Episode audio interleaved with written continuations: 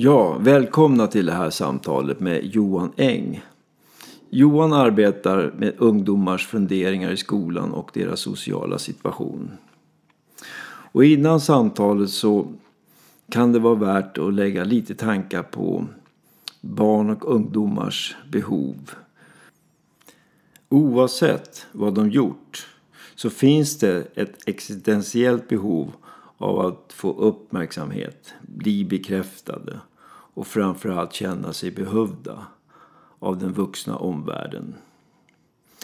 Det här kan vara ett dilemma som vi vuxna var, bör vara skickliga på att hantera. Sedan i samtal med barn och ungdomar så behöver man hjälpa dem att träna sin empatiska förmåga. Samtidigt som de ska förstå konsekvenser av sitt agerande.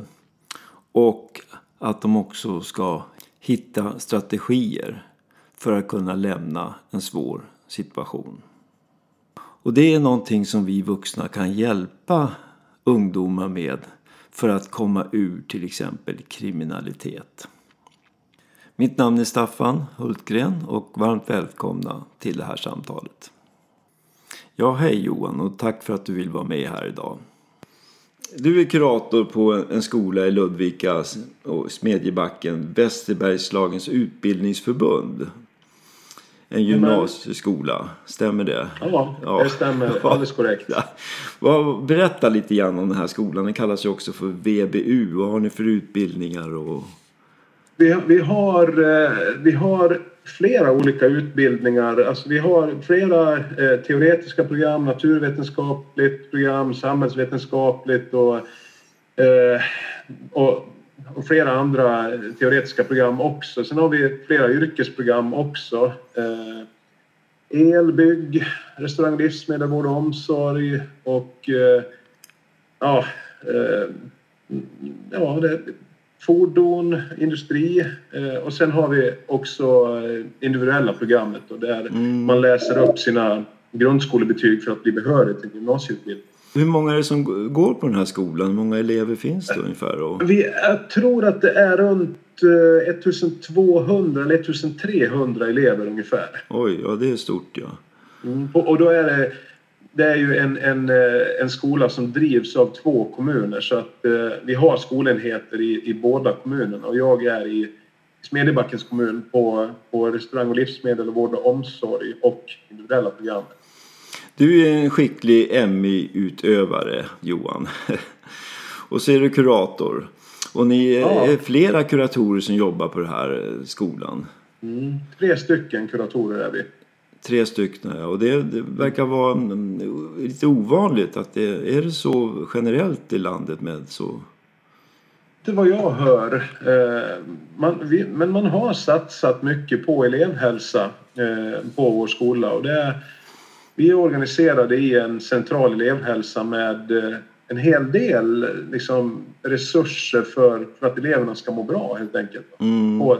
Stöd och hjälp även, även vid sidan av det pedagogiska. Så du, du, jobbar tillsammans med pedagogerna och mycket med individuella samtal och med grupper om jag förstår det rätt? Så. Precis, precis. Så.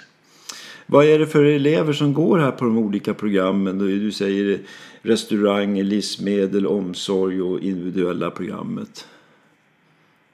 Det, alltså individuella programmet, dit kommer det ju elever med... Alltså, sen 2015 så har, när vi fick den, den här stora vågen av flyktingar och så, så har det individuella programmet har väl karaktäriserats av, av eh, många som kommer ifrån andra, andra länder och, och, och, och där så är det ju allt ifrån att man kommer med en gedigen skolbakgrund eh, till att man kanske aldrig har gått i skolan och varken kan läsa eller skriva. Så det är en väldigt, väldigt spännvidd på, mm. på just individuella programmet. Då. Ensamkommande. Eh, ja, exakt. Mm. exakt. Mm. In, inte bara ensamkommande, men väldigt, väldigt många i alla fall. Okay. Eh, och eh, på, på de andra programmen så är det väl, ja vad ska man säga, elever som är behöriga till gymnasieprogram med, mm. med ett tvärsnitt av, av ungdomar som ja, som, som, som går i skolan helt enkelt. Generellt Johan, nu är det ju en aktuell debatt om just kriminalitet och, droger och, och ohälsobeteende. Vad är dina erfarenheter av det när du jobbar i, i, här, i skolmiljön som du gör som kurator? Med narkotika och med eh, kriminalitet? Ja. Eh, alltså, ja, det är, dels är väl just missbruksfrågan är en sak som jag har intresserat mig för länge. Jag har jobbat inom socialtjänsten förut med de frågorna. Så att det är väl en sån där grej som jag kanske brinner för lite extra. Och, och eh, vad det gäller missbruk, det, det gäller ju på något vis att, att försöka fånga upp elever med den problematiken och försöka se tidiga tecken på det. Eh, det är ju alltifrån frånvaro till exempel och eh, att, att skolresultaten börjar se annorlunda ut. Det klassiska tecknen liksom och, och att försöka fånga upp det. Och det är väl ofta också en öppen dörr in till, eh, till att kanske också nå ungdomar som påbörjar en kriminell karriär. Mm. Det fungerar inte riktigt här i skolan, då agerar ni?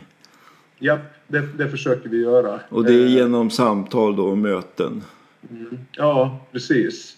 Eh, och, och det här kan ju det här kan man ju fånga upp på olika sätt. Dels att, att, eh, att personal reagerar, att man blir skicklig på att se de här tecknen och identifiera olika mm. typer av normbrytande beteenden till exempel. Och att man, kan man göra det tillsammans, att alla blir duktiga på det, då blir ju nätet ganska stort för att fånga upp, eh, mm. fånga upp det istället för att det ska finnas någon enskild specialist på det. Och så blir det lite olika då om, om man är under 18 år eller 18, över 18 år hur ni agerar. Så, så är det ju. Vårat sätt att hantera till exempel då, eh, misstanke om, om narkotika det blir ju är man under 18 så är det ju solklart alltså en anmälan till socialtjänsten mm. eh, pronto. Eh, samtidigt som vi också naturligtvis tar tar ett samtal med den här eleven. Och sen handlar det ju om att, att, att vad heter det, ut, utverka individuella planer för hur ska man liksom, vad ska vi i skolan göra i, i den här situationen? För vi kan ju inte ha elever på skolan som är, är påverkade av narkotika. Det är ju ett arbetsmiljöproblem och, mm. eh, för, för, alla. Mm. Eh, så att, och de, de, som är över 18 däremot, där är det ju det blir ju mer då ett, ett, ett samtal med den personen först och, eh, och sen får vi se. Där erbjuder vi också ett drogtest eh, som man gör via öppenvården i någon av, av de kommunerna där vi jobbar. Ja, precis. Ja. Det som vi har väldigt nära samarbete med, ett enkelt och nära samarbete. Vilket känns som en, en nyckel liksom att ha enkla vägar till socialtjänsten. Det finns upparbetade kommunikationsvägar eh, en vana av att liksom... Eh, menar, socialtjänsten jobbar med sin sekretess så att eh, ett problem skulle kunna bli att man skickar en elev på drogtest så får man ingen återkoppling på det. Okay. Där försöker vi hela tiden vara med att, att liksom när vi skickar någon att, att skapa ett samtycke, att vi får ta del av resultaten på drogtesterna för att kunna försäkra oss om att vi inte har narkotikapåverkade ungdomar mm. i skolan. Så ni jobbar väldigt nära personerna och, och, och, ibland också med föräldrar och lärare och personal i skolan? Ja, det försöker vi göra. Så gott det går. Eh, är man över 18 så kan man ju, då kan man ju säga att man inte vill Precis. att föräldrarna ja. ska veta någonting och det, då kan det ju vara så. Men, men, eh, Kriminalitet är ju som sagt väldigt debatterat nu då och, och ungdomar och, och, som vill hoppa av. Och, har, har ni någon agenda för det? Hur agerar ni i sådana sammanhang? Vad det gäller kriminalitet så har vi väl, vi har väl ingen liksom, agenda på det sättet. Eh, när vi kommer till missbruk, det finns ju tydliga handlingsplaner som är skrivna. Och där mm. kanske man även skulle börja jobba med en handlingsplan vad det gäller kriminalitet och mm. när man vill hoppa av det. Eh, alltså skolan är ju, en fullgjord skolgång är en framgångsfaktor för, för att, att inte hamna i en kriminell karriär. Mm. Och där, det är väl det som, som min tanke också att de här ungdomarna, när vi lyckas identifiera dem, då behöver vi ju liksom massiva pedagogiska insatser, psykosociala insatser för att göra allt vi kan för att skolan ska lyckas för dem. Och då har vi också minskat risken, eller vad man ska säga, att man, att man går vidare i en kriminell karriär. Har du träffat några ungdomar som har velat hoppat av och eller som känner att de är på väg in?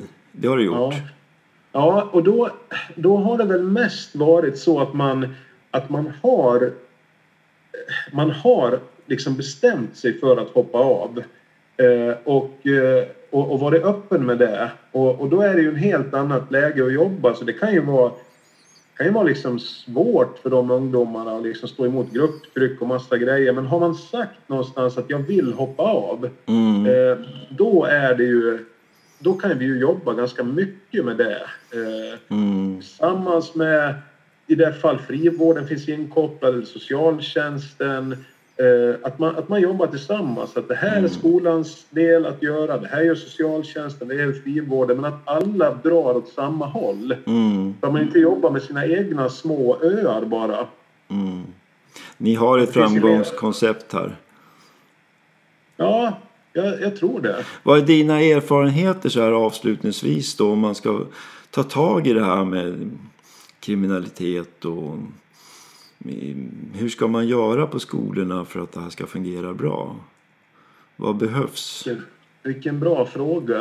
Eh, alltså, som jag tror så, så eller som, jag tror ju att, att, en, en, att öka medvetandenivån hos, hos hela personalgruppen som jag säger så att man får ett, ett brett nät, ett brett skyddsnät många ögon som ser och uppmärksammar tidiga tecken. Mm.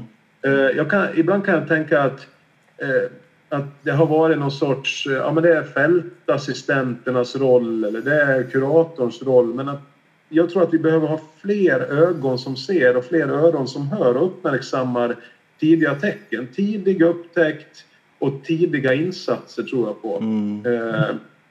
kan vi göra det så, så tror jag vi har nått långt. Och, och de insatserna, det blir ju både som jag tänker psykosociala men också pedagogiska insatser för mm, att mm. göra allt vi kan för att skolan ska fungera för de här eleverna. Mm, mm. Ni är ju tre kuratorer nu och, vilket eh, känns väldigt gediget. Så vad jag förstår så skulle det behövas fler av er kaliber på många skolor.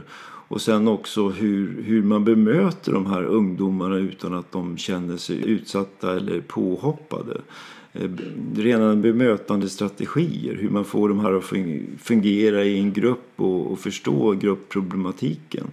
Yep. Vad säger du om det? Som...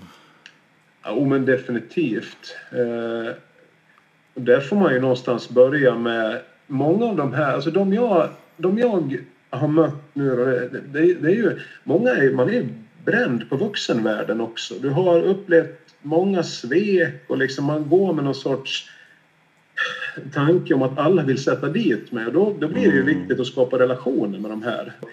Jag gör ju det genom att fika tillsammans med dem, att äta tillsammans med dem och där uppstår det ju liksom i de situationerna bara där runt kaffet var väldigt intressanta diskussioner och, och eh, där man faktiskt får jobba med strategier och med, med, med hur man ska göra och så vidare i en väldigt, väldigt avspänd kontext. Men, men med relation till de här ungdomarna, A och O tror jag. Mm. Eh, du och dina kollegor här, ni gör en väldigt stor insats som gör att kanske några eh, kommer ur sina beroende eller gruppproblematik och kan börja fokusera på, på skolan och, och sin, en positiv framtid. Och ni gör en väldigt stor insats kollegor och personalen i övrigt, så att säga, hur ser de på er verksamhet och hur samarbetar ni? Det är ju mest tala för den enhet jag är på. Eh, och eh, vi, har ett tätt och nära samarbete med, eh, med all personal, mm. tycker jag. Mm. Man, vi, vi, träffas nästan dagligen, gör vi. Och, och, och det gör ju att man man kan fånga upp tidigt också. Ja, men nu, nu har vi sett det här hos någon lärare kommer att ja, Kalle dök upp i morse och det, ja, det verkar som det är någonting nu. Hur ska vi göra med det? Ja, mm. men vi kanske ska träffa honom, prata med honom, höra vad läget är. Så det finns ett nära och tätt samarbete. Mm. Så grundprincipen är att ingen blir lämnad utan man tar hand om varandra oavsett vad som händer. Och, och man är nyfiken och engagerad i andra människor. Ja. Ja, det låter jättespännande att få ta del av dina erfarenheter här. Ni har ett stort jobb som ni utför. Nej, men en sak som jag har tänkt på ofta det är precis det här att man, jag tror aldrig man, man kan inte rädda alla men det jag, det jag har märkt genom åren det är ju att till exempel vad det gäller narkotika om du börjar komma åt lite grann av det då finns det alltid en svans i utkanten av det där. Mm. Och eh, det var roligt att hålla på med så länge man fick göra det ostört. Men när någon började lägga sig i och upptäcka det då var det inte så himla kul att hålla på längre. Då finns det många i den här svansen som nej, det här tänker inte jag vara med på mer. Mm. Och de kanske vi aldrig ens har träffat men, men de, bara genom att de ser att det finns personer som agerar och gör någonting så då, då väljer man en annan kurs. Mm, det sprider sig. Ja, precis. Mm, mm. ja, men jättetack. Ja, tack Johan. Du har en full dag som väntar så att vi får väl återkomma och, och pratas vid lite mer lite längre fram. det vore trevligt. Gärna. Ja. ja, men tack så ha så länge. Tack ska du ha.